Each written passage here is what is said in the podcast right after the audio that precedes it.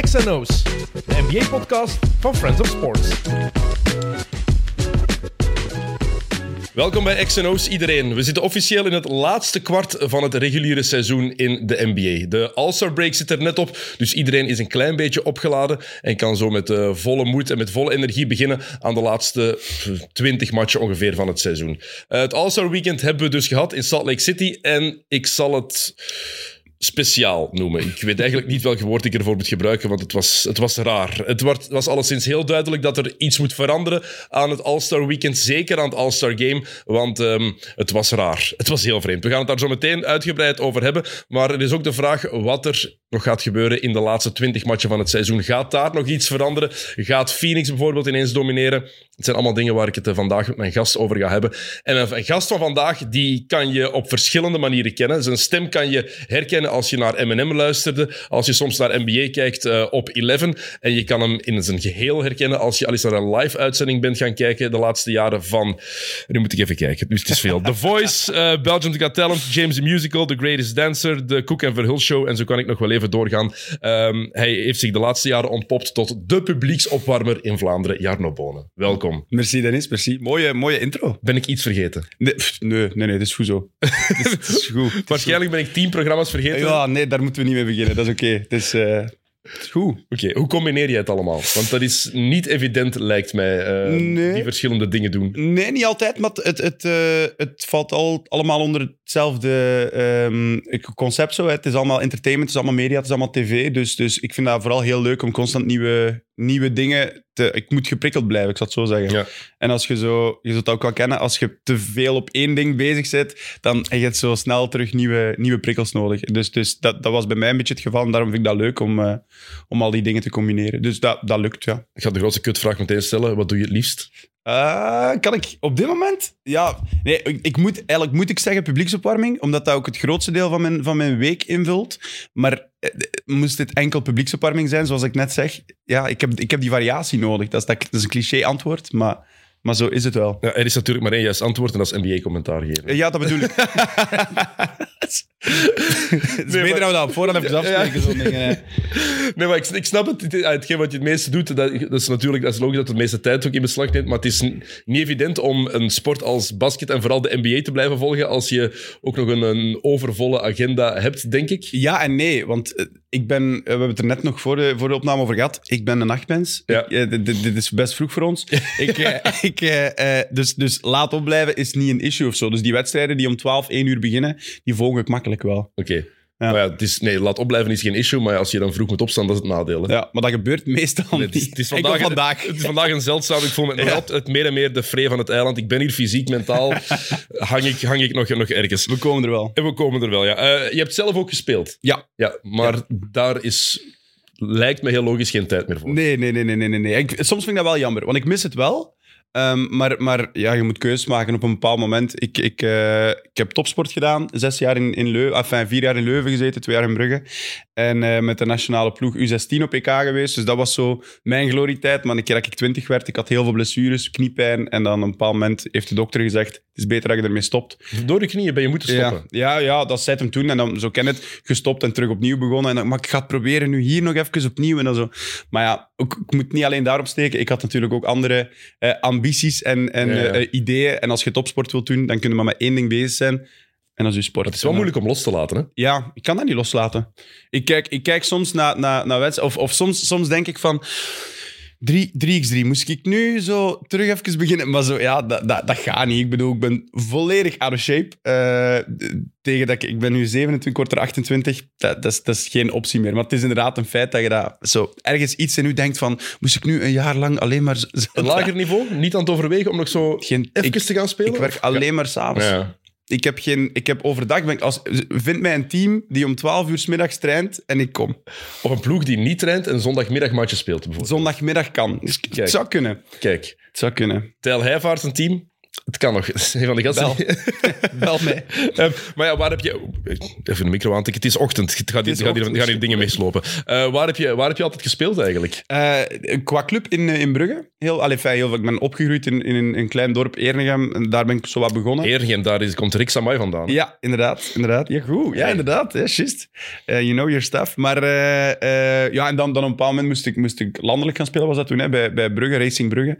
Maar ik ben daar ook misschien iets te lang blijven hangen. Uit comfort of zo. Ik had zo in de tijden van topsport, ja, met, met de coaches daar, bij Falco of bij Waregem of bij Oostende, zo, ja, de hogere teams die echt ook op landelijk niveau top speelden. En bij mij was dat zo, ja, maar ik zit in Brugge, en, dus ik ben daar ook iets te lang blijven hangen. Maar dat was wel, daar is gestopt. En ik ben nog even, heel even naar Aalter geweest, omdat ik weg wou uit Brugge en iets nieuws wou proberen in eerste landelijk, om dus met die ik niet op Ja, ja. 19 was. Zo van, en nu op eerste landelijk terug wat spelen en wat opbouwen. Maar halverwege dat seizoen ben ik volledig gestopt. Racing Brugge, waar speelde die weer? Weet die zaal weer? KTA.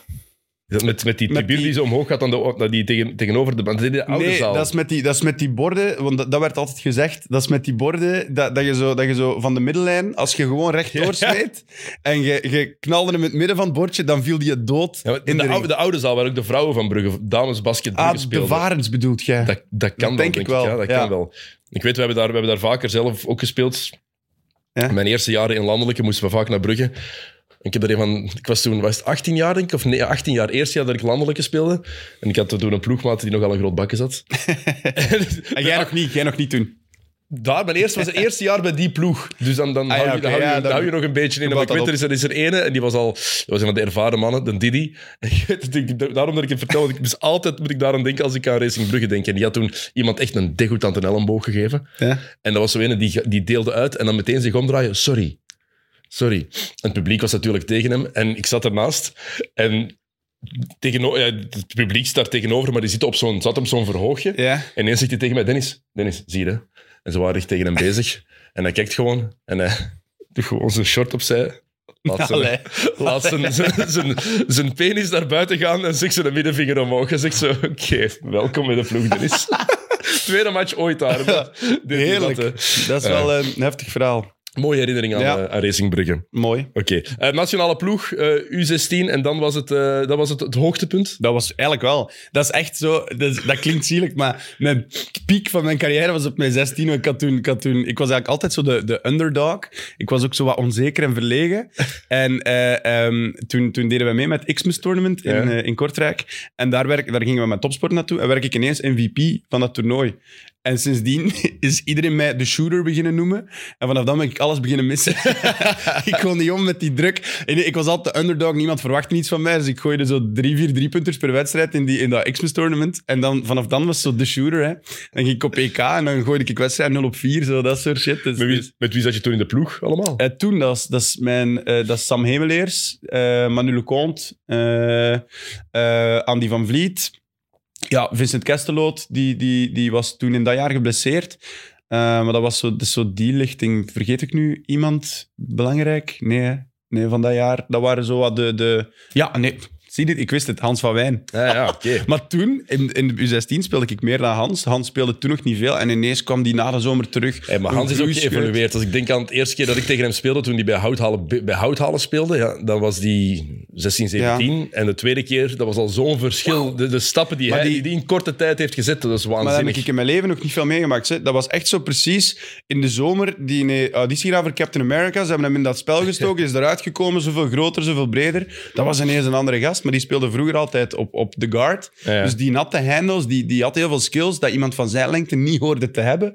En dat, ja, dat, dat, dat, dat is ontpopt tot, tot wie dat hem nu is. Ja, Sam, en Sam Hemeleers is een van de namen die eigenlijk niet helemaal is doorgebroken, maar die zeker toen... Want ik heb Toen. die gecoacht op, op Van Kerskamp toen die 10, 11 jaar was, Ja, denk ik. En was een waanzinnig talent. Hè? Mm. Die, ik dacht echt dat, dat, dat die... In, in gemak dat er een, een, een ervaren rot zou worden in Ja. eerste klasse. Ja, absoluut. absoluut. Ja, ik, ik weet niet, ik heb Sam al lang niet meer gehoord, dus ik weet ook niet eh, waar dat hem nu zit of wat dat hem doet.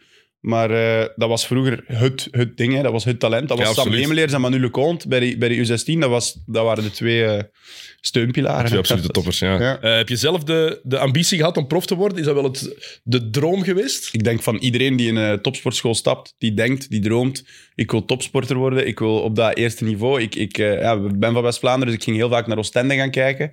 Ja, dat was wow, bij Oostende spelen.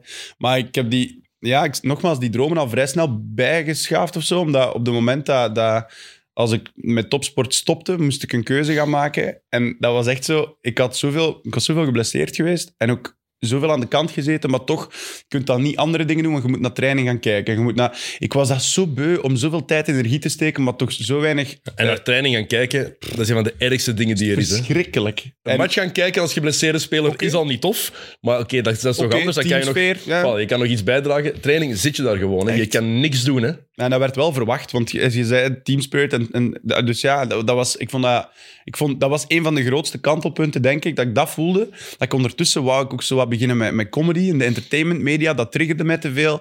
Maar ik kon daar helemaal niet mee bezig zijn, omdat ik naar trainingen moest kijken. En dan had ik wel zoiets van, wat ben ik hier eigenlijk aan het doen? Dus, dus op een bepaald moment... ehm, ik denk dat ik, dat ik eh, ja, wel juist topsport af was. kreeg ik een telefoon van Sam Rotsaert, die toen eh, coach was van Oostende, van de, de, de Gistel. basketschool. Ja, ja, bij de. Ajax-school, Dus ja. hij, hij coachte daar twe- tweede klas, denk ik. En, en, en eh, dan, die spelers trainden zo mee met de eerste ploeg. Wat is dat maar? Zet hem, ja, we willen u in, in ons traject. En, la. en maar ik had juist tickets gekocht voor Pukkelpop. En dat was mijn eerste festival. Als, dat ik voor de eerste keer zoiets had van... En wel, van de zomer ben ik eens een normale puber die zo festivals gaat doen met mijn vrienden. Dus ik wou er zo niet van afstappen. En ik zei tegen Sam, dat is goed, maar die, die periode ben ik even naar Pukkelpop. En dan zei hij ja nee, je moet wel een keuze maken als je bij ons... Al, ik bedoel, de voorbereiding begint in augustus, kun jij niet zomaar naar een festival gaan. En ik, ik had er echt zoiets van... Ja, dat kom ik niet. dus ik ben niet naar Oostende gegaan, omdat ik naar Pukkelpop wou drie dagen. Dus dat zegt ook al genoeg over waar dat ik met mijn hoofd op dat moment zat. Wie was er op Pukkelpop dat jaar? Dat, dat het zo goed, dat het zo goed maakte? M&M. Oké.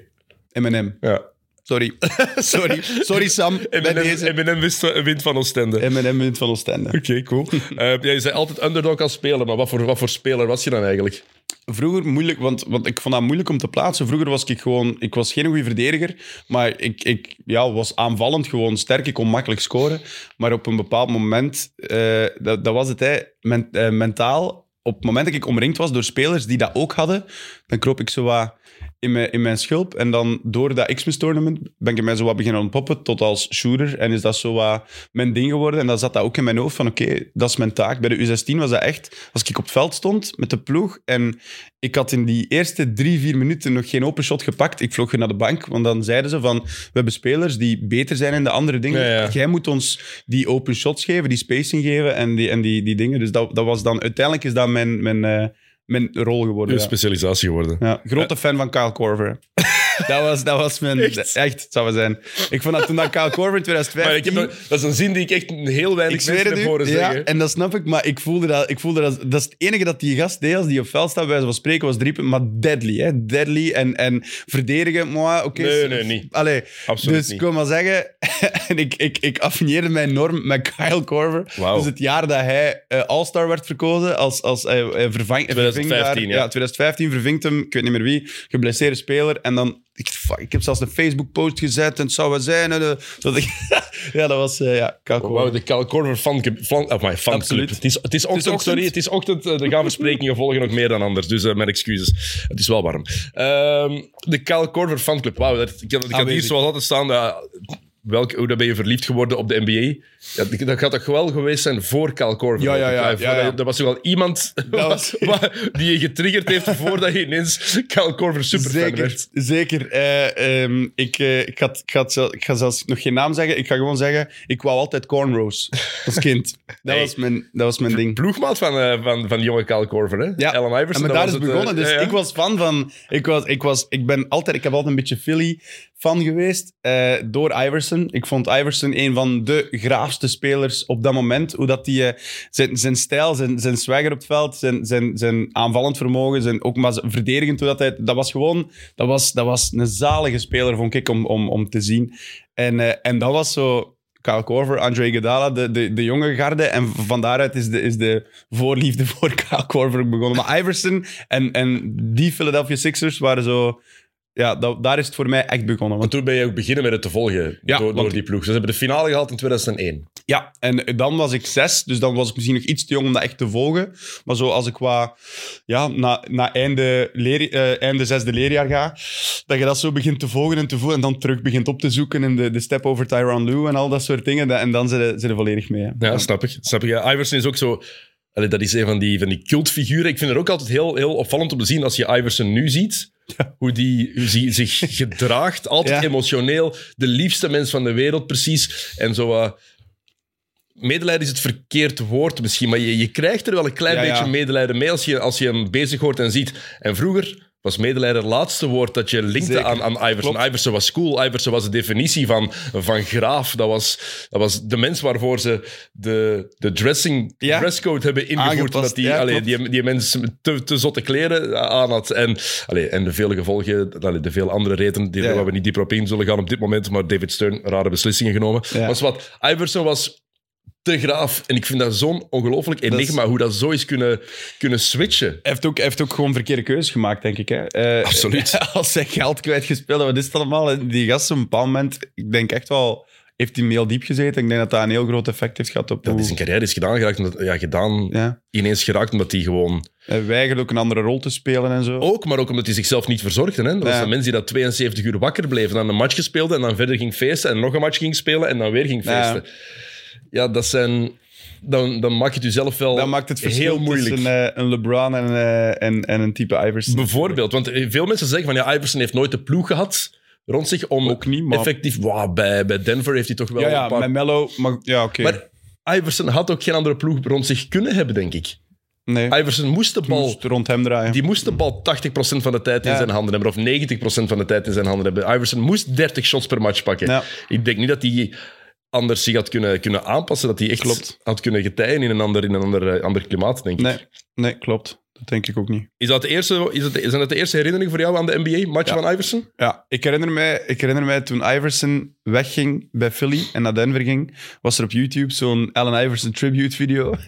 en ik kon er bijna bij blijten, zo, met zo'n veel te zielig nummer op en zo. zo dat was keigoed gedaan. Zo. Dus ik was, ik, daar is het echt begonnen, zo, de, de, de Allen Iverson highlight. Zo. De, het, het onderzoeken naar Allen Iverson. Maar natuurlijk, het duurde niet lang voordat Michael Jordan eh, in, de, in de picture kwam. Hè. Ik bedoel, eh, mijn tante was daar heel grote fan van, dus ik kreeg dan een dvd van Michael Jordan en dan was ik vertrokken Uw natuurlijk. tante was ook een basketster of in de basketwereld. Die heeft vroeger gebasket, en die, Oké. maar die was gewoon heel erg eh, into de Chicago Bulls en, en eh, Air Jordans en eh, zo dat, die generatie. Zo. Ja, maar ik denk dat ja, het, Chicago Bulls gegeven in de jaren, eind jaren 80, begin jaar vooral begin en ja, gewoon heel de jaren 90 eigenlijk. Ik denk dat we dat hier op dit moment, nu, wat is het, bijna 30 jaar later, dat we dat onderschatten hoe gigantisch dat het eigenlijk was. Hè. Zeker. De Warriors of the Heat, die hebben internationaal niet de impact die het Chicago van toen Nee. had gewonnen, dat het ja toen gewoon... We hadden net Barcelona gehad met het Dream Team, toen begonnen door te breken in het buitenland. En dat is net toen die ploeg op zijn best was. Ja, klopt. Dat kan ook gewoon niet meer geëvenaard worden, Nee, nee, denk ik. dat gaat nooit gebeuren. Want nu is het zo, het is zo common geworden. Alles Ja. is zo bereikbaar geworden Exact. voor alles en iedereen. Dat was toen gewoon niet... Kon, toen konden niet zomaar even op YouTube gaan kijken hoe, wat gebeurt er daar allemaal. Nu is dat zo bereikbaar, dus dat gaat inderdaad Het was ook nieuwer toen, hè? dus Ja, daarom dat al- al- elk, beeld, elk beeld dat je ook kreeg, ik weet, ik was gewoon blij als er op CNN een 30 seconden, ik, soms Ah, voilà. CNN uren op bij mij thuis omdat ik 30 seconden van een match wilde meepikken. Ja, klopt. Dus dat was, eh, was het coole er wel aan. Ehm ja, een vraag die ik bijna altijd moet stellen aan mensen die voor de eerste keer naar X&O's komen. Weet je nog wat de eerste NBA-match was die je ooit gezien hebt? Eerste NBA-match. Ja. Of die je kan herinneren? Ik denk, ik denk dat dat een, een, eh, dat dat een, een videocassette was van een All-Star game op, op maar ik kan niet meer zeggen welk jaar. Dat moet, maar dat moet echt, dat is een, een oude, Jamal McGlory zat er nog in. Oef. Ja, ja, dat was een oude All-Star. En ik weet nog dat ik dacht van, was, was met dat hier allemaal? En vanaf dan ben ik zo al die spelers wat beginnen opzoeken en, en zo. Dus, dus, maar dat was, dat was zo'n een, een, ja, een videocassette ook bij iemand thuis. Die zei, "Hup, we steken dat hier even in. Jamal McGlure, 2004 All-Star. Ja, dat kan. Ja. Dat kan. Blijkbaar. Maar ik was vergeten dat die All-Star was geweest. Dus ik weet, ik weet ook niet waarom dat die naam de eerste is dat in mij opkomt. Maar Ja, dat is wel mooi. ik herinner mij dan nog dat dat, dat, dat zo... Dus, dus, en, en dat was de eerste volledige wedstrijd. Want dat was iemand die had een abonnement op, was dat Kanaal Plus of Ja. zoiets? En wij hadden dat thuis niet. Dus ik kon daar toen ook niet, niet zomaar aangeraken. En dan was dat zo wat, wat begonnen. Ja, Canal Plus, het, de voorloper van wat, nu Play Sports is eigenlijk. Ja. Dus Ja, voilà. eh, ben je ter plaatse al veel gaan kijken? Ik ben nog nooit, Wat? nog nooit Oh. in de US geweest. Oké. Schandalig. Maar dat, dat is iets dat ik al, ja, al van kinds af aan zeg. Oh, dat is mijn droom om naar de US te gaan. Maar dat is, nog nooit, dat is er nog niet van gekomen. Zo. En altijd als je... Want ik, ik, op een bepaald moment had ik zo wat geld samengeraapt. En dan, dan wou ik, wou ik naar, de, naar de US vertrekken. Ik zat op dat moment in Portugal. eh voor, ja, ik heb reisleiding gedaan. Dus zo zeven maanden in Portugal gezeten. En daarna dacht ik, ik ga doorgaan naar, naar de US. Maar toen ja, is mama... Mijn mama is, is, eh, is dan, dan ziek geworden. Ik kreeg dan kanker. En dan had ik zoiets van, oké, ik ga nu niet weglopen. Belangrijke dingen in het Eh, leven. en, ondertussen, ja, voilà. en ondertussen dan zo met mijn ex samen gaan wonen. Al mijn geld zo, oké, wat meubelen gekocht en wat, wat dingen. En ineens was mijn ex weg, maar mijn geld ook. Eh, dus dan moest ik zo precies opnieuw beginnen. Maar dan is die opwarming begonnen. En dan had ik zoiets van, ik ga nu niet weglopen, want ik heb hier dat. Dus zo, zo is er altijd iets geweest. En dat, ik wil dat, ik wil, want als ik ga, ik ben dan ook iemand ik, die niet een weekje wil gaan. Ik wil, dan, ik wil echt deftig gaan. En ik wil langs alle grote NBA-steden gaan. Ik wil daar overal een match zien. En ik, wil, ik ga er echt een moment van maken. Wat is, de eerste, wat is de eerste zaal waar je naartoe wil gaan? Als je, want je hebt het in- zelf in, in contro- onder controle. Ja, hè? Ik zeker. was... Eerst dat ik ben gaan kijken, was ik acht jaar. Dus ja, ik, Ja. kon, ik kon moeilijk zelf bepalen naar waar we, naar waar we gingen toen. Maar jij hebt het zelf in de handen. Ik heb nu- Waar wil je naartoe? ik heb een soort van roadtrip uitgestippeld al, voor als de moment daar is. En dat, dat, is, dat is vliegen op New York. En dan ofwel eerst New York of dan doorrijden naar Philly. Philly gaat er sowieso bij zijn. Kan niet anders. Eh, Boston wil ik komen. En, eh, en, eh, en, en Washington ja, wil ik dan ook gezien hebben. Dus zo Brooklyn, Madison Square Garden. East Coast trip. Ja, de East, een, maar zo, zo een milde East Coast trip om te beginnen. En misschien als er nog tijd en geld over is, even doorvliegen naar Miami. Maar, maar dat, is, dat is zo wat het plan. Dus in, welke volgorde, dat gaat ervan afhangen wat dat goedkoopst is. maar, maar sowieso, zo die, die, die arenas moet ik gezien. Zeker Philly uiteraard moet ik... Moet Kijk, ik eh, eigenlijk moet je beginnen met Philly. hè. eigenlijk zou dat, zou dat moeten. Ja. Ja, in mijn cornrows daartoe komen. Dat is, stel je voor. Ik dat één keer... Er bestaat... Cornrows- best- nee, nee, nee, nee, nee, wacht, wacht, wacht, wacht, wacht. Ik kom even, voordat er hier uit de context gaat en dat er dan zo'n quote op Instagram verschijnt. Nee, nee, nee, nee, nee. Even in de context. Ik was, ehm, ik denk, elf jaar of zo. En mijn tante is, is geadopteerd van Rwanda. En, eh, en ik had zo lang haar, altijd. En toen zei ik tegen haar van, eh, oh, ja, je, kun jij dat doen? En nu zei het zou wel zijn. Dus had ik thuis, dat hij op mij aan het babysitten was, had die cornrows in mijn haar gelegd. Maar ik heb er zo één nacht mee geslapen. En dan stond ik op en dan was dat zo al precies zo keiwarrig. En dan besefte van, deze wordt het niet. hè. Maar dat was ook kei lelijk. Ik ben er nooit meer buiten gekomen. Ik ben er gewoon een paar foto's van getrokken als bewijs. En dan weer zo eruit. Zo dat. Niet zoals Christophe Porzingis, die heeft dat iets langer eh, gehad, denk ik. Heeft hij dat echt gehad? Ja, als kind ook, hè? Ah, als kind. Ja, ja, als kind. Hè? Als kind. Is hij rookiejaar in de NBA zo? Nee, nee, als kind heeft hij dat ook Ja, ja. Ja, wel aanraden ook misschien als eerste naar Madison Square Garden te gaan. Ja, hè. ja. Ja dat- je, speciaal. moet daar, je moet daar geweest zijn. Heel speciaal. Dat zal wel. Echt, dat is... eh eerst keer dat je daar binnenkomt, ik had dat toch... Had ik echt een kwartier lang kippenvel. Ja. Speciale- ik kan me daar echt speciaal heel, heel gevoel. goed in beelden. Ehm, je geeft een commentaar voor 11 NBA. Ehm, betekent dat dan dat jij met heel veel plezier naar het All-Star Weekend hebt gekeken? Ik heb geweigerd om naar het All-Star Weekend te kijken live. live. Ik heb het gevolgd, ik heb niet gekeken. Ik heb vorig jaar het All-Star Game moeten becommentariëren. En dat is kut, hè? dat is kut. Dat is kut. Dat is kut. ik was heel blij dat Steve naast mij zat. Maar je kunt, je kunt die wedstrijd... Er is niks van competitiviteit meer in. Dat, maar het is extreem. En... eh, dat neemt voor mij alle excitement weg. Ja, oh, ja maar ja, we hebben, veel, we hebben veel dunks, we hebben veel highlights. Ja, gast, sorry, maar als je niet verdedigt en echt zo... op- Ja, ik vind dat... Er is niks meer aan. Ja, ik wou eigenlijk eerst positief beginnen, omdat ik dacht, we gaan Sorry. niet beginnen bashen. Nee, nee, maar, Sorry. maar eigenlijk, ja, dit All-Star Game, ik heb, het, ik, heb het, ik heb het helemaal bekeken, zoals het, eh, allee, het moet. Ik heb het drie keer afgezet en terug opgezet.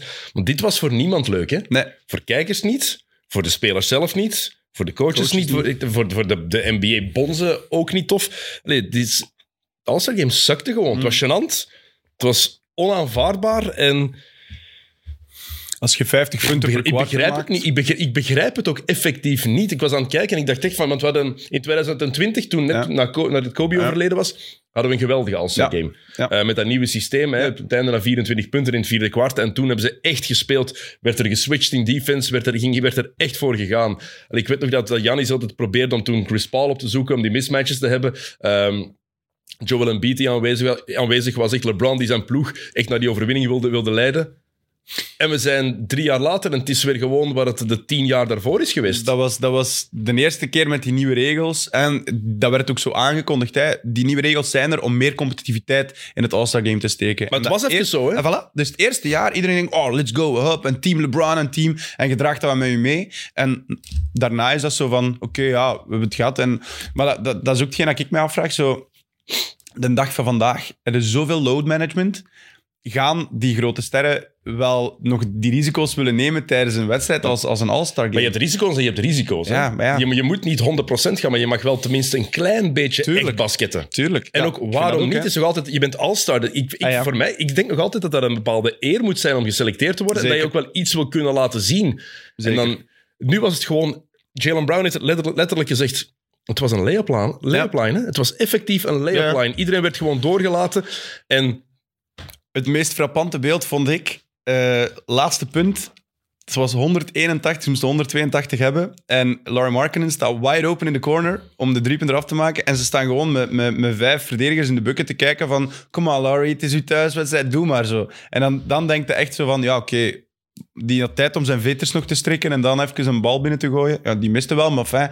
Dan had ik zoiets van... Dat, dat, daar is nu toch echt niks meer aan. Nu is het toch echt... Dit is toch rock bottom, dit. Ja, het was, want je hebt dan in momenten is- gehad. ehm, een paar keer, dan is eh, Kyrie Irving weg en dan probeert hij een alley via het bord te gooien naar Nikola Jokic. Ja, met alle respect, maar ik, ik spring nog hoger dan Jokic op dit moment. Ik ben redelijk versleten. Dus, eh, om- Dat is- en ja. dan Jalen, Jason Tatum, die daar een alley pas achter zijn rug probeert te geven, maar zo niet achter zijn rug, echt over zijn hoofd eigenlijk. Die compleet in de tribunes vliegt. Ehm, dan had je een one-on-one momentje met Jalen Brown en Jason Ja. Tatum. Oké, tof. Tof. Maar Die andere een- acht spelers die stonden gewoon Stand echt kijken. achter de driepuntlijn te kijken. Ja.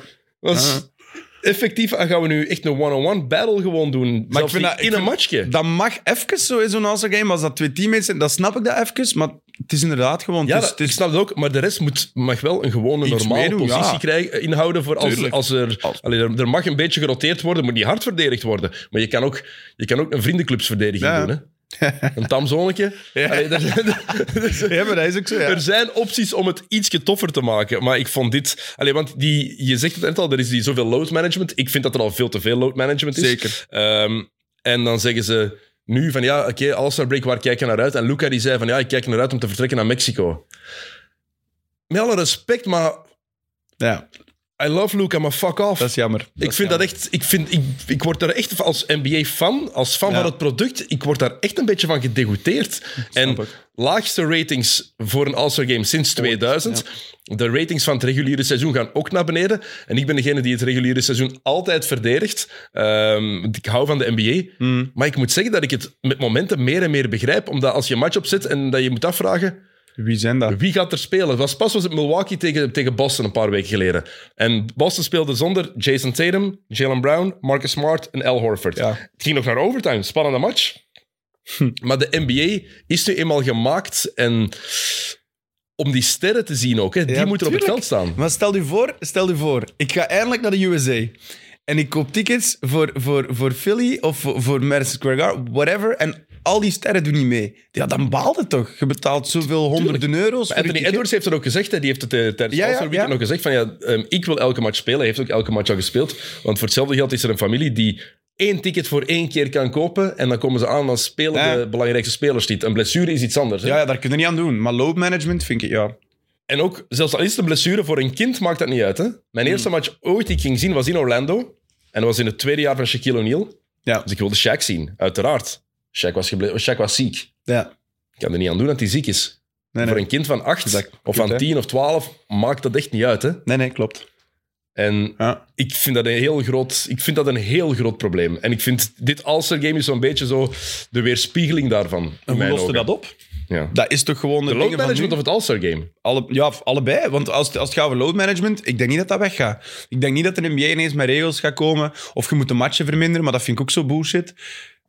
Ik vind matchen verminderen op zich geen probleem. Het is zou jammer zijn om het historisch Ja. te zien. Maar 72 matchen is Ja, even goed als oké. 82. Of 70 Nee, matchen is even goed als 82. Maar In mijn ogen. ik heb, nee, dat is ook zo, maar ik heb zoiets van, het, het hoort geen issue te zijn of zo. Vroeger was daar geen issue mee. Nu is dat, nu is dat, dat is, dat is, je merkt dat in alles, niet alleen in basket, maar alles is zoveel gevoeliger of zo. Of ja, we gaan wat voorzichtiger zijn met dit. En dan, dan denk ik soms van, ja, ja, ja, ja. Kijk, kijk naar de Clippers. Die zijn daar een van de mooiste voorbeelden van. Mm, Ja, die laten duidelijk zien, het reguliere seizoen kan ons geen kloten schelen. ja, ja. Zolang En dat ik we... snap het met de blessures van, van Kawhi Leonard van de afgelopen jaren, snap ik helemaal. Maar na een tijd moet je wel terug beginnen. Tuurlijk. Je wordt ook deftig betaald om te, Ja. om te spelen. En je wordt meer dan deftig Ja. betaald om te spelen. We zijn op weg naar contracten van 70, 80 miljoen per jaar hè, is toch- voor dat de sterspelers. 70, 80 miljoen per jaar. toch zot. Dus ik verwacht dat die mannen wel ergens op het veld komen ook. En dat, die, dat ze alle 82 matchen laten spelen, dat zal misschien niet gaan. Maar ja, je moet daar misschien gewoon meer aan linken. Nu kunnen spelers bepaalde extra's krijgen, bonussen krijgen in hun contracten als ze een bepaalde trofee winnen. Of Ja. All-NBA-team halen. Misschien zeg je onmogelijk om All-NBA-team te halen als je niet minstens... Als er 65 van de 82 matchen speelt, bijvoorbeeld. Ja, ja, dat is een optie. bijvoorbeeld. Ja, ja, het zou kunnen. Ja, we moet, er, moet iets, er moet iets komen. Hè, want het is nu e- zo echt een beetje te belachelijk voor woorden aan het worden. We hebben, waar dat we niet aan konden doen, was de hele COVID-regeling. Dan, Nee. dan waren er G-League-spelers eh, all over the place. Dat was, ik herinner me, als je dan een wedstrijd moest becommentariëren, dan had je papieren bij je, maat. Dat was... eh, maar Wikipedia was uw grootste vriend. eigenlijk niet normaal. Zo, wie zeg jij? Zo, waar kom jij? Ik denk dat ik nu nog heb gebasket in. Zo dat. Maar, maar ehm, ja, nu, nu, is dat, nu gaat dat daar niet meer over. Hè. Nu is dat puur, oké, we, moeten, oh, we moeten rusten of we moeten daar of we gaan even... En de NBA, vooral, het is een product voor de fans. Ja, ja. NBA doet er alles aan, Amerikaanse sporten doen, bijna alle Amerikaanse sporten doen er alles aan om het aantrekkelijk mogelijk te maken. Wat ook logisch is, topsport is voor supporters. Is voor mensen Ja. die gaan kijken, die betalen het product ergens. Daarvoor is het gemaakt. Hè. Je doet het ergens voor de, voor de fans. Daarom is de NBA zo gigantisch. Dat Ja. er zoveel mensen van houden. Dus vind ik het ook belangrijk dat je daar rekening mee houdt. En dat is wat, wat Jordan vroeger bijvoorbeeld altijd zei. Ja, ik wil elke match spelen en op mijn best zijn, omdat er altijd wel iemand kan zijn die mij nog niet heeft zien spelen. Ja. Dat is ook wat Anthony Edwards weer pas gezegd Dat is ook heeft. wat Kobe zei. wat Kobe zei, Ja. inderdaad. De laatste jaren ging dat door blessures niet altijd, maar die mannen probeerden wel altijd te spelen. Ook natuurlijk uit eigen belang ergens, maar ook voor, voor de supporters en voor de fans. En nu is dat er helemaal uit. En ik snap dat je moet oppassen, maar de NBA heeft back-to-backs bijna helemaal afgeschaft. Ja. Er is meer rust dan ooit. De medische hulpmiddelen zijn ook groter dan ooit. Iedereen kan beter begeleid worden. Vooral dat. En toch, en er wordt meer gerust dan ooit, en toch zijn er ook meer blessures dan ooit. Ja. Vind ik zo raar. Het is... Dus wat ik zeg, alles, precies of alles is ineens gevoeliger geworden. De begeleiding is zoveel beter, maar, maar we willen zoveel voorzichtiger zijn. Of misschien zijn we kleinzeriger. Ik weet het niet. Allee, je, kunt dat niet je kunt dat niet... Maar ik, ik, vind het, ik, vind het, eh, ik vind het opvallend. Ik vind het echt, echt eh, ja, En opvallend. ik snap, als we de Clippers als voorbeeld pakken bijvoorbeeld, ik snap dat ze daar zeggen, ja, we willen Kawhi en Paul George willen we fit hebben in de playoffs. Snap Ja, maar- ik helemaal. Maar, ja, maar, het reguliere seizoen heeft ook wel een bepaalde Tuurlijk. rol, een bepaalde betekenis. Hè? Ja, en, en weet je, load management, dat, je kunt dat nog in twee dingen, in twee categorieën steken. Je kunt zeggen, we spelen niet. Of je kunt zeggen, alright, we spelen, maar we gaan nu op een minute restriction zetten. Dat kan ik ergens, ergens kan ik dat nog respecteren. Als je echt zegt van, we moeten voor u bepaalde rust inplannen. maar In plaats van 35 minuten te spelen, zet die 20 minuten op het veld, maar dan net het toch wel gespeeld. Ja. Vind daar een betere balans in. Zou ik dan denken of zo? Want, want zo een week lang of een paar wedstrijden, oh, we gaan even niet. En dan, dat, is, dat is gewoon super kut. Maar ik snap natuurlijk ook wel aan, langs de andere kant, want ik zeg het is voor de fans en dat is ook zo. Ik ben daarvan overtuigd. Mm. Zo'n zo'n zo'n gigantische competitie, dat is voor de hè? supporters. Maar voor de coaches en front, front office, daar telt winnen. Ja, ja. Zij willen gewoon zoveel mogelijk resultaten halen en succes boeken, want dat is ook waar, wat supporters ergens verwachten. Ehm, dus ik snap ook dat zij denken van ja, sorry, ons maakt het minder uit, want wij willen gewoon dat wij zo goed mogelijk zijn, dat we effectief de titel kunnen pakken. ja, ja. Nu, een ploeg die te veel load management doet, ehm, zoveel succes heeft dat nu ook niet altijd. Nee, maar ja, en het is wat je zegt. Het reguliere seizoen wordt voor teams minder en minder belangrijk, omdat iedereen weet, je hebt zelfs de play-in. Dus als je 10 seed bent, kun je nog altijd in de playoffs goed presteren, bij wijze van spreken. Dus, dus de, de- die druk is kleiner geworden. Het gaat wel een probleem worden, want er gaan, mensen, Ah, ja. er gaan meer en meer mensen afhaken, denk ik. Ja, ja. ja. En dat is echt maar dat wel- voelde nu al, hè? Ja, en dat is jammer, want nog eens, de mooiste competitie in de wereld Mhm. voor mij, mooiste sport die er is. En als je dan merkt van, oké, je, je, je maakt het product minder aantrekkelijk en je kan er iets aan, je kan er effectief wel iets aan veranderen. Het All-Star Game, dat is toch een andere zaak om daar iets aan te veranderen, maar het, het hele product, dat, dat, is, dat vind ik heel spijtig. Ja, en ik hoop ja. dat ze daarmee... Ik denk wel, voor de volgende CBA, de volgende arbeidsovereenkomst, daar gaan wel dingen in dat contract komen. kunt niet, dat kan niet anders. Nee. Je kunt dat niet gewoon klakloos overnemen en, en, en er moeten wel wat dingen veranderen. De ratings zijn te slecht aan het worden. En dat voelen zij ook, hè? want daar draait het voor de, voor de, voor de Big Chiefs om. Hè? Dat, dat, dat, is, dat is wat het is, hè? Die ratings. Hè? Het Maar- internationale succes. Maar daarom is het toch raar dat het All-Star Game, dat, daar, dat, het, dat, de spelers die ook, dat, dat de spelers zich dat zo weinig aantrekken.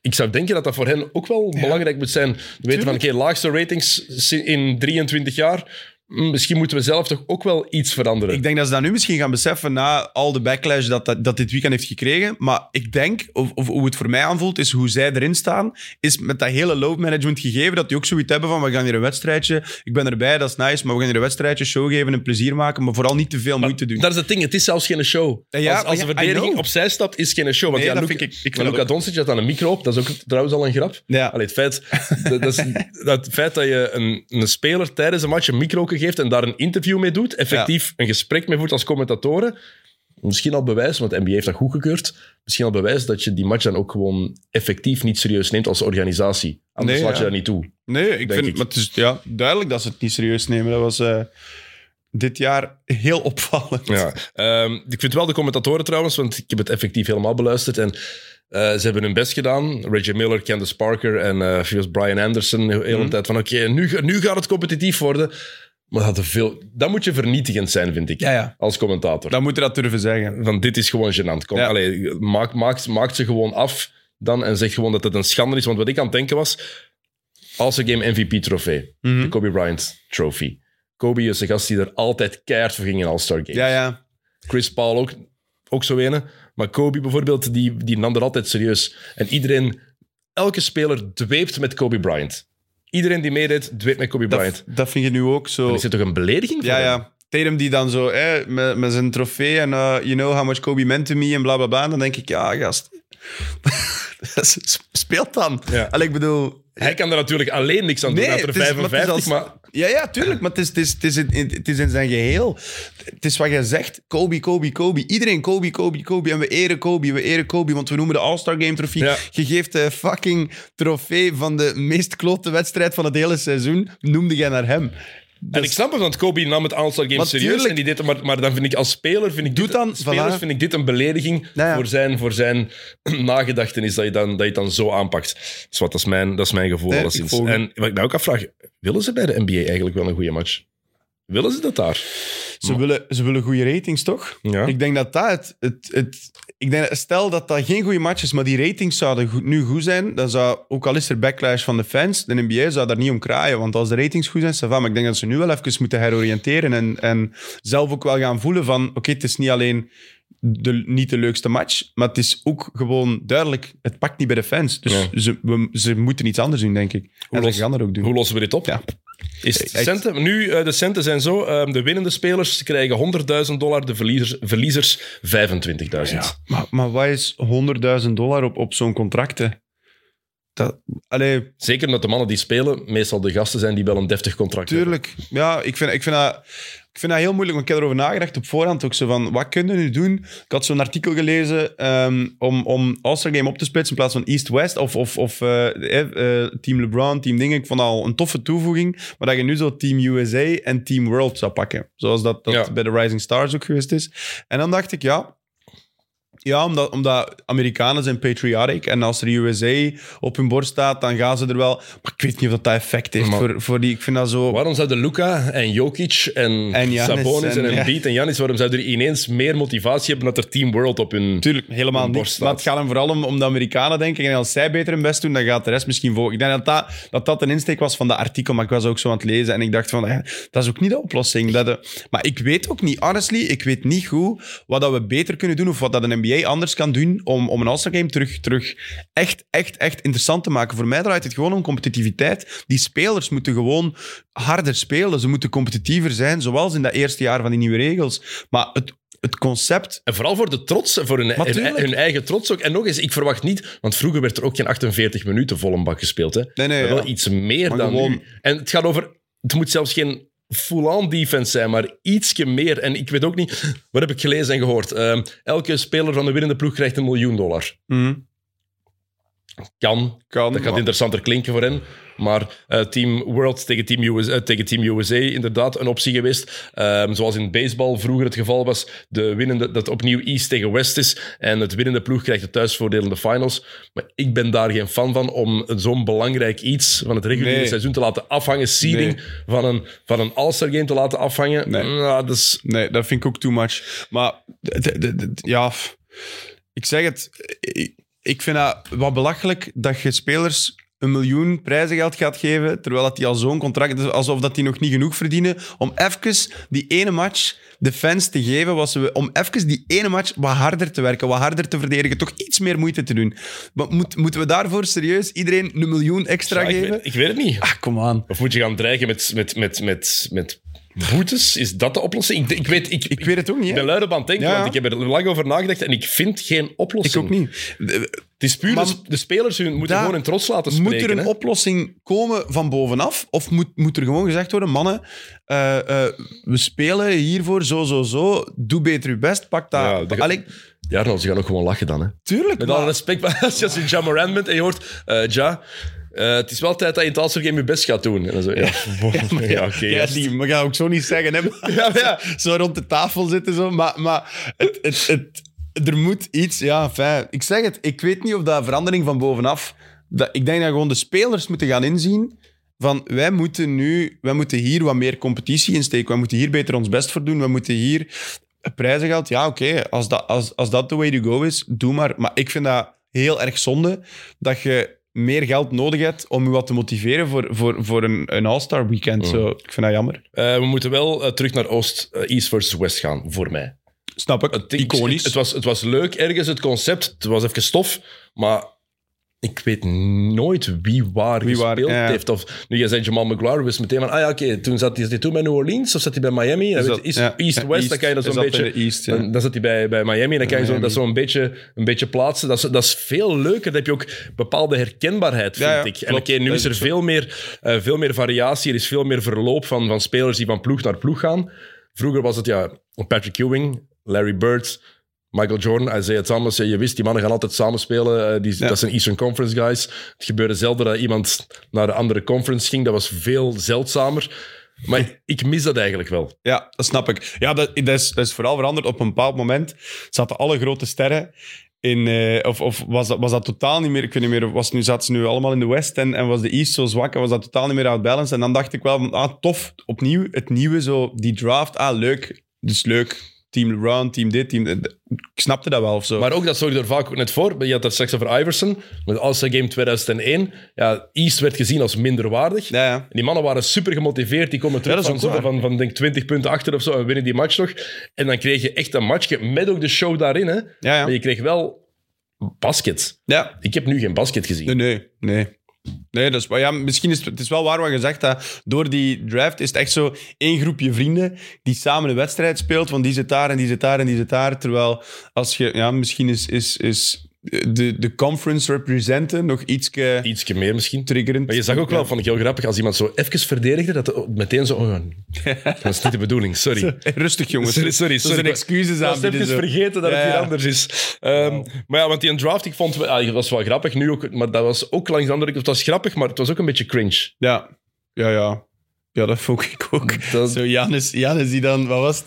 Die dan eh, John Morant selecteerde en, en hij was een starter. Zo dat, ik- dat ik dacht van, oké, ja, gewoon, dat is zo'n awkward vibe, maar... maar En ook zo Le- LeBron en Giannis, zo, dat, allee, dat was wel funny, maar ook heel, heel fake. gemaakt. Ja, heel gemaakt. Je voelde van, oké, dit is zo... Het zijn basketters, geen entertainers. Ja, ja, je zou toch denken dat LeBron is intussen wel een entertainer geworden, maar oké, maar... raar. Ja, Eh, Jokic was wel entertainend. Die Ja, heeft zichzelf gedraft. Jo- Jokic, ik vind Jokic is, is een van de van de, op, op dat vlak, ik moet altijd lachen als ik die... Ook als ik die zie spelen. Die is een fucking goed seizoen aan het spelen, maar zo zijn, zijn bewegingen of zo, ik moet er altijd een beetje mee lachen. Ik weet niet waarom. Ja, die, maar dus die, ehm, als, dat is de laatste pick van de starters. En eh, het was aan team LeBron. En hij staat gewoon recht en gaat naar LeBron toe zonder dat hij nog maar iets gezegd heeft. Maar blijkbaar was hij vergeten dat Markkanen er ook nog zat. Ik geloof er niks van. Die wil gewoon niet als laatste gekozen worden. Die dacht, fuck it, ik, ik sta gewoon recht. Dat is een gast. Echt. We hebben toch het negatieve aan het eh, uitlichten zijn. Eh, de Skills Challenge. Allee, kijk. Ik weet, ze hebben, als we het hebben over dingen die ze proberen te veranderen, de Skills Challenge, ze hebben daar echt al hun best voor gedaan. Ja, zeker. Maar het is eigenlijk gewoon duidelijk, stop ermee. Schaf het Ja. af. Het is niet, doe, doe opnieuw een spelletje horse tussen een paar man. Doe er, doe er zo, vroeger was het er in het All-Star Game. Doe zoiets. Ehm, doe een one-on-one battle. Ja. Gaan ze misschien ook nog tof vinden en gaan ze misschien harder voor gaan. Eh, zeker met de grotere namen. Doe zoiets daarin, een one-on-one eh, one-on-one challenge. Maar die Skills Challenge, eh, je had team Antetokounmpo, Ja. waar dat dan Janis niet meedeed, maar waar Joe Holiday meedeed. Je had dan team Rookies en je had eh, team Utah. En Jordan Clarkson had meer drip dan, allee, ja. dan, dan mogelijk was. Het was, dat is het enige, het enige dat ik eh, echt live heb gezien van heel dat weekend. Ik was vrijdagavond nog wat later op en, en de, eh, zater- zaterdagavond ja. nog wat later op. En dat stond, dat, ik dacht, kom, ik ga dat nog even opzetten. Ik ben nu toch nog wakker. En, ik, en toen dat ik die rookies alles zag naast gooien, dan dacht ik echt van, oké, dit was het voor mij. Maar dit was alles, weer- hè? De, alles. De, de laatste deel, Alles. je had de, eerst was het de, de relay zeker. Eh, Ja. Dan was de passing drill en dan de shooting drill. En ik, die, die, die rookies ook. Maar je, toen hoorde je de commentatoren ook aan een tijd zeggen, van Draymond Green zat daarbij, van, Ja. die was wel eerlijk. Maar Draymond, dat, vind- dat vind ik wel leuk aan Draymond. Die gaat dat wel... Je weet dat die, als die daar zit, die gaat dat zeggen. Ja, over, over three-point contest bijvoorbeeld ook, was hij dan zo hard over de speler. En ook van, ja, ik mag eigenlijk niks zeggen, want ik heb deze contest verloren van Kevin, Van Kevin Hart. Hart. ja. Maar, maar dan kan ik dat wel appreciëren dat hij daar Ja. zelf mee lacht. Ja, de, de skills challenge niet nodig meer. Ehm, en die, die rookie... Die hebben enkel twee keer een shotje... Nee, één shotje gescoord of twee keer een shotje gescoord. ehm, was- net aan, aan bloksken, hè, Ja, het was erbarmelijk. aan de paint. Maar zo stress, hè. De, de druk, de druk van, van de big scene en als rookie, ja... Het is daarmee dat ik zoiets heb van, laat maar, je, jongens. je kan wel één, één corner three Natuurlijk, maar het zijn drie punten. Ja, als Denk wij hadden meegedaan, hadden we waarschijnlijk elk eentje gescoord. In twee minuten ga ik er toch wel één binnensmijten. Of in anderhalf minuut, moeten? hoop ik. Het zou toch moeten? Ja. Ja, daarom, je verwacht... Je denkt, het zijn ook de beste atleten van de wereld, Dat, de beste basketten. Dan verwacht je gewoon dat die wel eens één shot binnengooien. Ja. Ehm, waar we dat wel gezien hebben, dat was wel tof three-point contest. Ja. Dat, ik vond dat vroeger altijd leuk, maar dat wordt eigenlijk, want dat veranderen ze ook meer en meer. Nu zijn er die, die, oh, ik- drie ballen dat vind ik bijgekomen. goed, Dat vind ik goed. Damien voor Damien Lillard is aan een layup. Hè? Heerlijk. Ja, heerlijk. Dat is niet ik ben normaal. blij om te zien dat hij het gewonnen heeft. Ik ook. Ik, ik gun het hem zo hard. En dat was ook zo'n... Want, want Halliburton begon daar, 31 in zijn opening round. En dan dacht ik, oh, wat krijgen we nu? Zo, zo, ik, had, allee, ik had dat misschien niet verwacht dat hij zo consistent ging zijn. Maar Dame, ja, ja. Ook cool. Damien Lillard zijn shot is ook heel cool. Ze hebben daar, eh, ik heb op Twitter een filmpje van, van een of andere coach gezien die zo'n slow-mo had, echt van, van zijn Ja. hand. En die, hoe dat hij die een bal vast heeft, dat is echt uniek. Je moet er maar eens op letten hoe hij die, nog hoe hij die, niet, hoe hij ja. die, hoe hij die, een, bal, hoe hij die een bal lost. Dat is een heel vlotte release, hè. Ja, ja, absoluut. Maar die gebruikt een heel groot deel van zijn hand eigenlijk. Wat dat niet, niet, bij, ja. iedereen, niet bij iedereen het Nee, geval is. Dus die bal die rolt echt... Ja, dat is echt heel mooi om te zien eigenlijk. Van hoe dat, dat bij hem perfect werkt, Ja, duidelijk. Want hij is ja. een van de beste shooters aller tijden. En ja, die, die drie ballen die er nu bij zijn gekomen, die... Dat is, dat is een ding, hè. Dat, dat- maar ik vind dat zo goed dat we dat erbij gestoken hebben. Want je merkt, niet alleen Lillard, Curry, Trey Young... Er zijn zoveel spelers die, die echt van, van ver driepunters beginnen gooien. Dat dat, dat, dat dat gewoon logisch is dat erbij... Het hoort er echt bij nu of zo. Dat is een spot geworden. Maar dat je ook wel hebt bij driepunt contest, is dat je medelijden krijgt met iemand. Je voelt ook als iemand... eh, Kevin Hurter had dat. Kevin Hurter. Je voelde, ai, ai, dit, Oh. gaat, dit gaat niet goed komen. Dit gaat niet goed Hij komen. hij heeft daarna ook iets getweet, zo van... Not what I envisioned. Is het echt? Ja, had hij zo... Not what I envisioned, but still, still blessed to be a part of such a... En dan dacht ik echt van... Oh, garm. Ah, Je had acht punten. acht punten. Oh, dat was echt... En je, en je voelde dat ook meer en meer. Beetje, Julius Randle was dat ook. Ja, ja. Je voelde de verloop van die three-point contest van oh, dit gaat niet goed komen. Maar dat is pijnlijk, hè. Als je dat, als, want een keer dat je dat in je kop krijgt, een keer dat je zo aan het schieten bent en je gooit alles mis, ja, dan, eh, dan, dan is het moeilijk, moeilijk om, om, om jezelf daar weer uit te halen. Je die me. niet zomaar meer omdraaien. Nee, Nee, nee, nee, inderdaad. Julius Randle, zijn zoontje ook gezien. Die kwam daarna Ja, in beeld. ja, ja, en die was echt die is al oud genoeg om het te beseffen van, nou, dit was gênant voor mijn pa. En die keek echt zo van, oh, fuck. wat, heb, ik- wat heb ik nu, wat heb ik nu gezien? Daar gaan ze mee lachen op school. Oh, inderdaad. Ehm, ben je fan van het Rising Stars concept, hoe het nu is, met die, twee, eh, met die drie matchjes eigenlijk, twee halve finaletjes en dan de finale? Ik moet eerlijk zeggen, ik, ja, ja, doe mij niet heel veel. De hele Rising Stars gebeuren. Ik vind dat, ik vind dat, ja, ja, ik vind dat tof zoals dat nu is, want er is wat meer competitiviteit. Ja. Het is een competitie, het is wat meer. Dus I, I like it, maar, maar ja, ik weet niet. Alvarado had er echt goesting in. Maar dat, is- die, werd dus, die werd dus geïnterviewd ook tijdens het eerste matchje, maar die bleef wel gaan. Ja, ja. Die was effectief aan het spelen. En daar, dat- daar hebben ze ook niet keihard verdedigd, maar wel een beetje. Maar daar was En dat vond ik wel tof. competitie. Ja, dat was Gewoon, effectief een klein beetje competitie. Ja, en dat, dat is wat je wilt. Dat, kon ik wel appreciëren meer eigenlijk. zijn. Ja. Kan ik wel appreciëren. En dan was er ja, eigenlijk het event dat het weekend gered heeft. De dunk contest. Mike McClung heeft de dunk contest gered voor dit jaar. Want het kan direct weer keren volgend Ja, ja, dat is zeker waar. Ik had, dat, is, dat is raar, maar ik had op voorhand een interview gezien met hem, of, of een ding, of een, een, een- dat, hem, dat hem zei, I got some dunks in store that nobody has ever seen. En ik had zoiets van, je kijkt naar die gast, en ik denk, je denkt eerst van, ja, het zal wel, maar ik had, ik had zoiets van, ik gun het hem wel. Opnieuw de underdog, ik hou er wel van.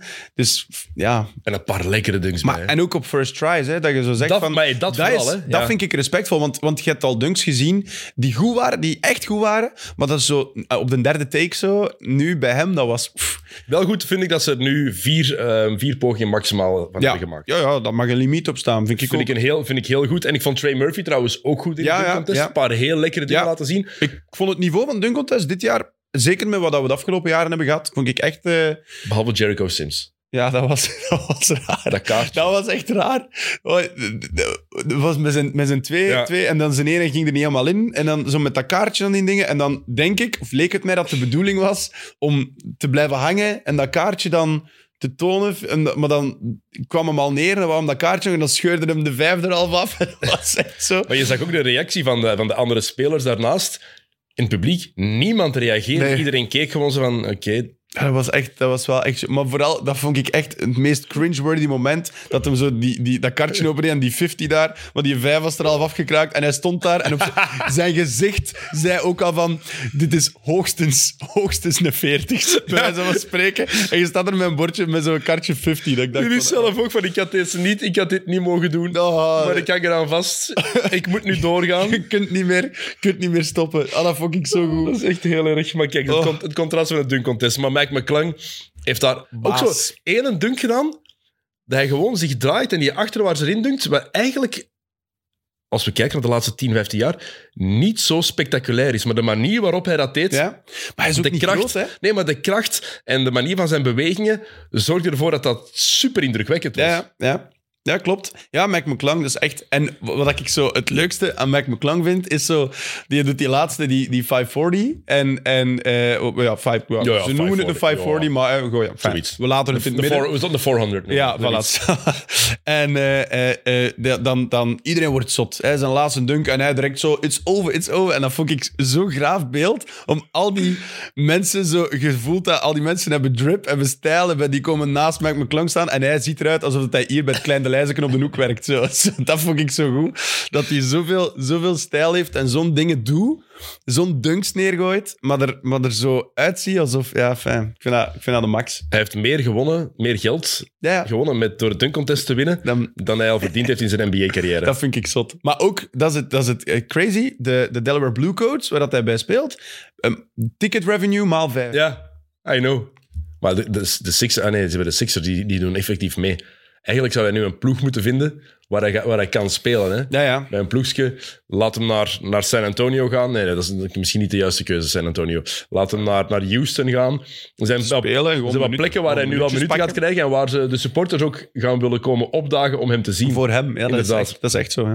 Ja, dat is echt... Ja, McClung. Ik vond, vond, ik vond het tof, contest. Ik, vond- heb, er- ik heb er effectief van genoten. Ik ook, ik ook. Ik heb dat eigenlijk nog again, niet live gezien, maar ik was, ik was heel blij om te zien de volgende dag van, ah, oké, goed, goed. Toch goede vibes of zo, want, want bij de rest was het al zo wat...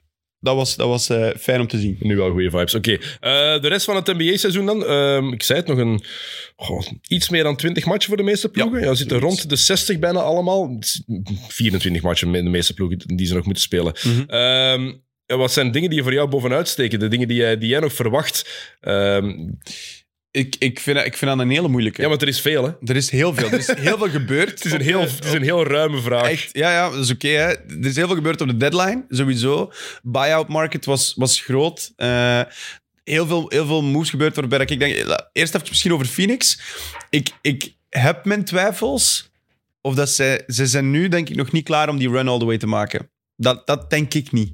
Kevin Oké. Durant is een heel goede aanwinst, maar de, de, de, ik heb het gevoel dat in de afgelopen jaren eh, teams alleen maar winnen als er echt chemistry is superteams zijn het ding van nu. Maar we hebben al meer superteams zien, zien falen, bij wijze van spreken, dan superteams zien slagen. Ik vind, dat, ik vind dat altijd een groot risico om depth in te ruilen voor een grote ster. Omdat daar heel veel meer dingen als ego en... en ja, Maar als er één is die, iemand is die zich kan aanpassen van de supersterren, is het wel Kevin Durant. I know. En daarom dat ik denk, als het de eerste tien matchen, als ze daar een bepaalde, bepaalde flow vinden en een bepaald vertrouwen in elkaar vinden en daar een bepaalde chemie vinden, dan geloof ik wel in Phoenix. Akkoord, maar even vier. Dus je hebt Aiton, Durant, Booker en Paul. Ja, Wie is de vijfde starter? Tory Craig, Torrey Craig. veronderstel ik. Ja, dat lijkt, dat lijkt mij, maar goed. Ja. Dat, dat die vijf spelers, ja. En als er eentje zo minder speelt of, of geblesseerd raakt, of wie er nog allemaal op Terrence de bank zit. Terrence Ross vind ik een heel goede signing. pick-up. Vind ik een heel goede Ja, pick-up. Landry maar- Shamet, Ja. die, kan, die, kan vijf minuten per helft spelen voor een drie keer binnen te, Ja, te knallen. Cameron Payne Cameron Payne, maar dan moet het wel de Cameron Payne zijn die we hadden gezien in de playoffs voor de finals tegen, tegen, tegen Milwaukee. Ehm, TJ Warren. Ah ja, Warren is daar ook bij gekomen, dat is juist, ja. Maar ja, die vertrouw ik niet met zijn, met zijn Nee, nee. blessures Nee, afgelopen nee, maar jaar. die want kan, wel, die, die kan wel iets betekenen. Maar ik heb, mijn punt is gewoon dat, dat... Ik heb het gevoel dat de, de impact van Michael Bridges mag niet onderschat worden. Nee. Het feit dat die daar weg is, die speelde zo'n zo'n goede rol. Ook als in de in- kleedkamer heel belangrijk trouwens. Die wist perfect, die had geen wedstrijd gemist. Die wist perfect wat zijn rol was. Die kon er 20, 25 uitgooien. Maar defensief, in, in rotatie, dat is zo- zo'n belangrijke sleutel. Hetzelfde heb ik met Dallas trouwens. Dorian Finney-Smith geeft jij op. En, en dat is niet dat Dorian Finney-Smith de grote difference maker is, maar zo'n pieces heb je wel nodig in addition tot je, tot je grote sterren. Maar ik, ik geloof wel, ik, denk wel dat bij Phoenix veel meer succes gaat, gaat zijn dan bij, Ja, bij ja. Dallas. Want Ja. Kevin Durant is nog altijd een onderschatte verdediger. Ik snap Zeker. eigenlijk niet waarom mensen nog altijd niet geloven dat hij zo goed kan verdedigen. En ik vind de, de, de breedte van de kern bij, bij Phoenix goed genoeg Ja. om effectief te contenden. Bij Dallas gaat het offensief fantastisch worden. Maar ze hebben daar Jason Kidd, die na zijn geweldig jaar vorig jaar, dit jaar met momenten niet lijkt te weten wat hij moet doen. Dat Ja. is het hele Christian Wood verhaal. Want waar hij duidelijk ook totaal niet mee, mee weet wat hij ermee moet aanvangen. Nee, Ehm, dat is jammer om te zien, want ik had er iets meer van verwacht. ja, maar defensief ook niet aanwezig. En Nee, dan nee. het grootste probleem, ja, Christian Wood verdedigt niet, Kyrie verdedigt niet, Luca verdedigt voor de, voor, voor de helft van de tijd niet. Dat gaat een probleem worden daar, denk Ja. ik. En ja, bij Dallas het is ook gewoon de vraag die we ons allemaal... We hebben de vorige keer ook al gezegd hier... ehm, het gaat, wanneer gaat Kyrie weer ontploffen? Hè? Ja, ja. Je weet dan, dat zijn een liability. misschien, misschien dit jaar Dus- niet. want 20, 25 matchen, misschien kan hij zich inhouden. Maar ik geloof er, ik geloof er niks van.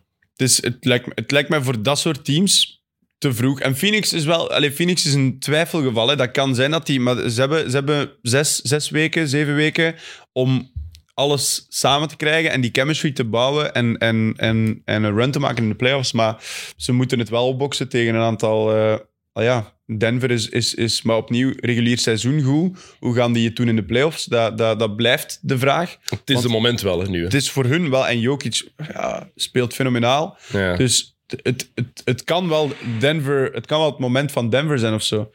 Ehm, maar ja, ik vind dat echt, echt, de laatste jaren vind ik dat super moeilijk om daarop te pinnen, omdat er verandert zoveel doorheen het seizoen, wat het moeilijk maakt om, om, om verwachtingen te creëren na, na de playoffs. Er kan zoveel veranderen en het reguliere seizoen voelde al, hè, we hebben het er net over gehad, dat die wat minder inzet. Maar, ze- maar zeker dit jaar, dit seizoen, Ja. ligt het, is, is het zo onvoorspelbaar.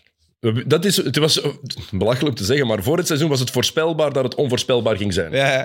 Maar, maar, het, maar het Ja, is wel zo. ik. Het is wel zo. Er zijn een paar zekerheden. Denver is er daar één van. Boston en Milwaukee zijn er daar twee van. Philly moeten we er ook bij rekenen, want Ja. eigenlijk Philly de laatste twee maanden misschien wel de beste ploeg in de NBA ehm, geworden. Maar voor de rest kan het zo snel nog switchen. Ik ben heel benieuwd wat er gaat gebeuren met, met Brooklyn nu. Hoe gaan die het, hoe gaan die het blijven doen? Michael Bridges is... Gaat die effectief nu een ster worden? Who knows? Dat kan. Een ster, Ik denk, ik denk het niet, maar... Betwijfel ik. Omdat ik denk niet dat denk niet dat, dat, een, dat dat iemand is die gaat floreren in, in zo'n rol of zo. Het is wat ik net zei, dat is iemand die heel goed perfect weet wat zijn rol is. perfect. Dat kan, ik denk wel dat dat een nummer twee kan zijn bij een contender. Ja, ja. ja. Dat zou een goede zijn bij Dallas. Dat zou perfect zijn bij Dallas. Dat zou echt... Dat Ja. is wat Luca nodig heeft. Zo iemand. Inderdaad. Die offensief mee kan providen, maar ook vooral defensief echt de, de man in de middel kan zijn, bij wijze van spreken. Maar dat zou een hele mooie... Dat zou een goede combinatie zijn. Maar bij ja. Dallas, ik vrees dat het daar... Het kan er wel eens beginnen ontploffen Ja, ehm, na dit jaar. dat is het gevaar, hè. Als je... En, en los van Kyrie Irving zelfs. hè, Gewoon van de, de, de aanpak van het team.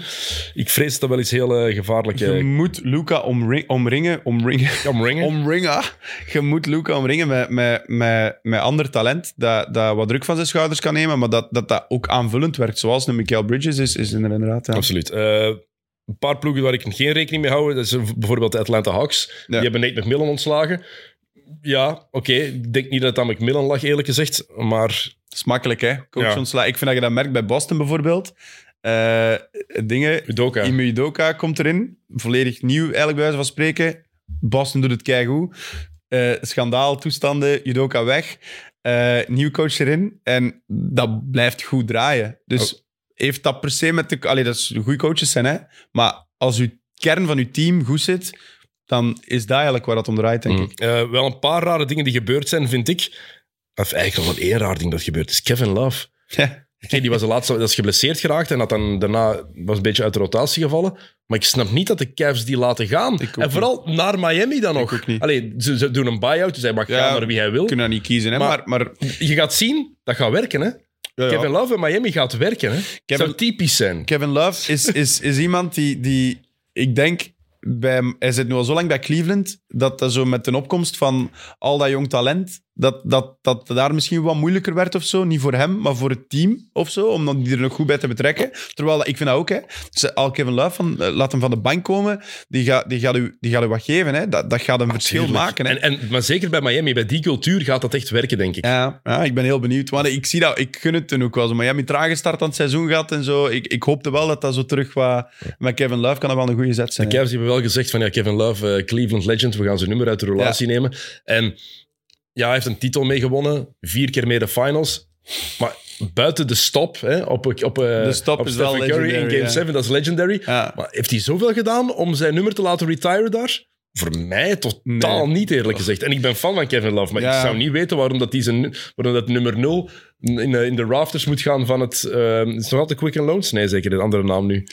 Arenas ben ik niet in... eh, eh, vroeger wel, maar het is zoveel veranderd de laatste ja, jaren. Ik ga daar niet, eh, niet over uitspreken. Nee, het is nu het Rocket Mortgage Fieldhouse. Kijk, Prachtig. Prachtige naam. voilà, prachtig. Maar dat vind ik heel raar. Eh, andere buy-out die geweest is...